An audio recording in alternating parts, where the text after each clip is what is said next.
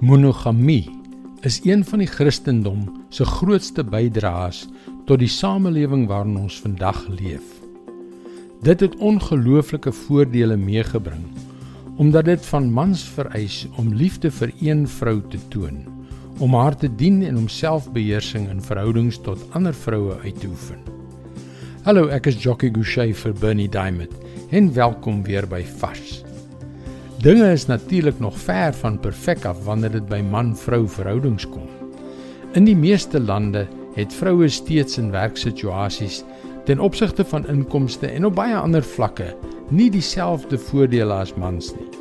En ja, baie baie mans het steeds nie selfbeheersing geleer nie.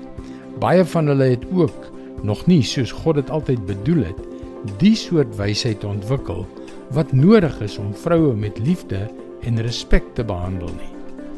Ons het die afgelope paar dae deur 'n paar verse gewerk oor ouer mans en vroue as rolmodelle en hulle plig om jonger mans en vroue te leer hoe om op te tree.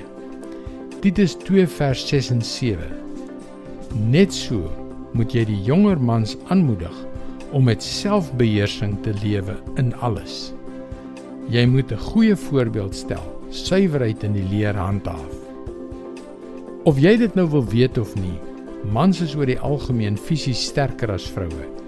Dit het in antieke tyd tot baie wreedheid teenoor vroue gelei. En op sommige plekke in sommige huwelike en in sommige verhoudings is dit ongelukkig vandag nog die geval. Alhoewel daardie vers 2000 jaar gelede geskryf is, geld die beginsel vir jong mans om wys te wees vandag nog. Julle ouer manne, julle behoort hulle rolmodelle te wees. Julle moet hulle leer hoe om 'n vrou te behandel deur hoe julle vrouens behandel. As die ouer manne vandag deur hulle goeie voorbeeld die jonger manne doelbewus, vriendelik maar ferm geleer het om wys en eerlik en ernstig te wees, dan sou dit 'n heel ander wêreld gewees het. Dit is God se woord vars vir jou vandag. Miskien is jy betrokke by verhoudings wat glad nie lyk soos wat God dit bedoel het nie. Of dalk sukkel jy met ander sonde in jou lewe. Onthou, die enigste soort gebed waarvan die Bybel ons leer is die soort wat kragtige resultate het.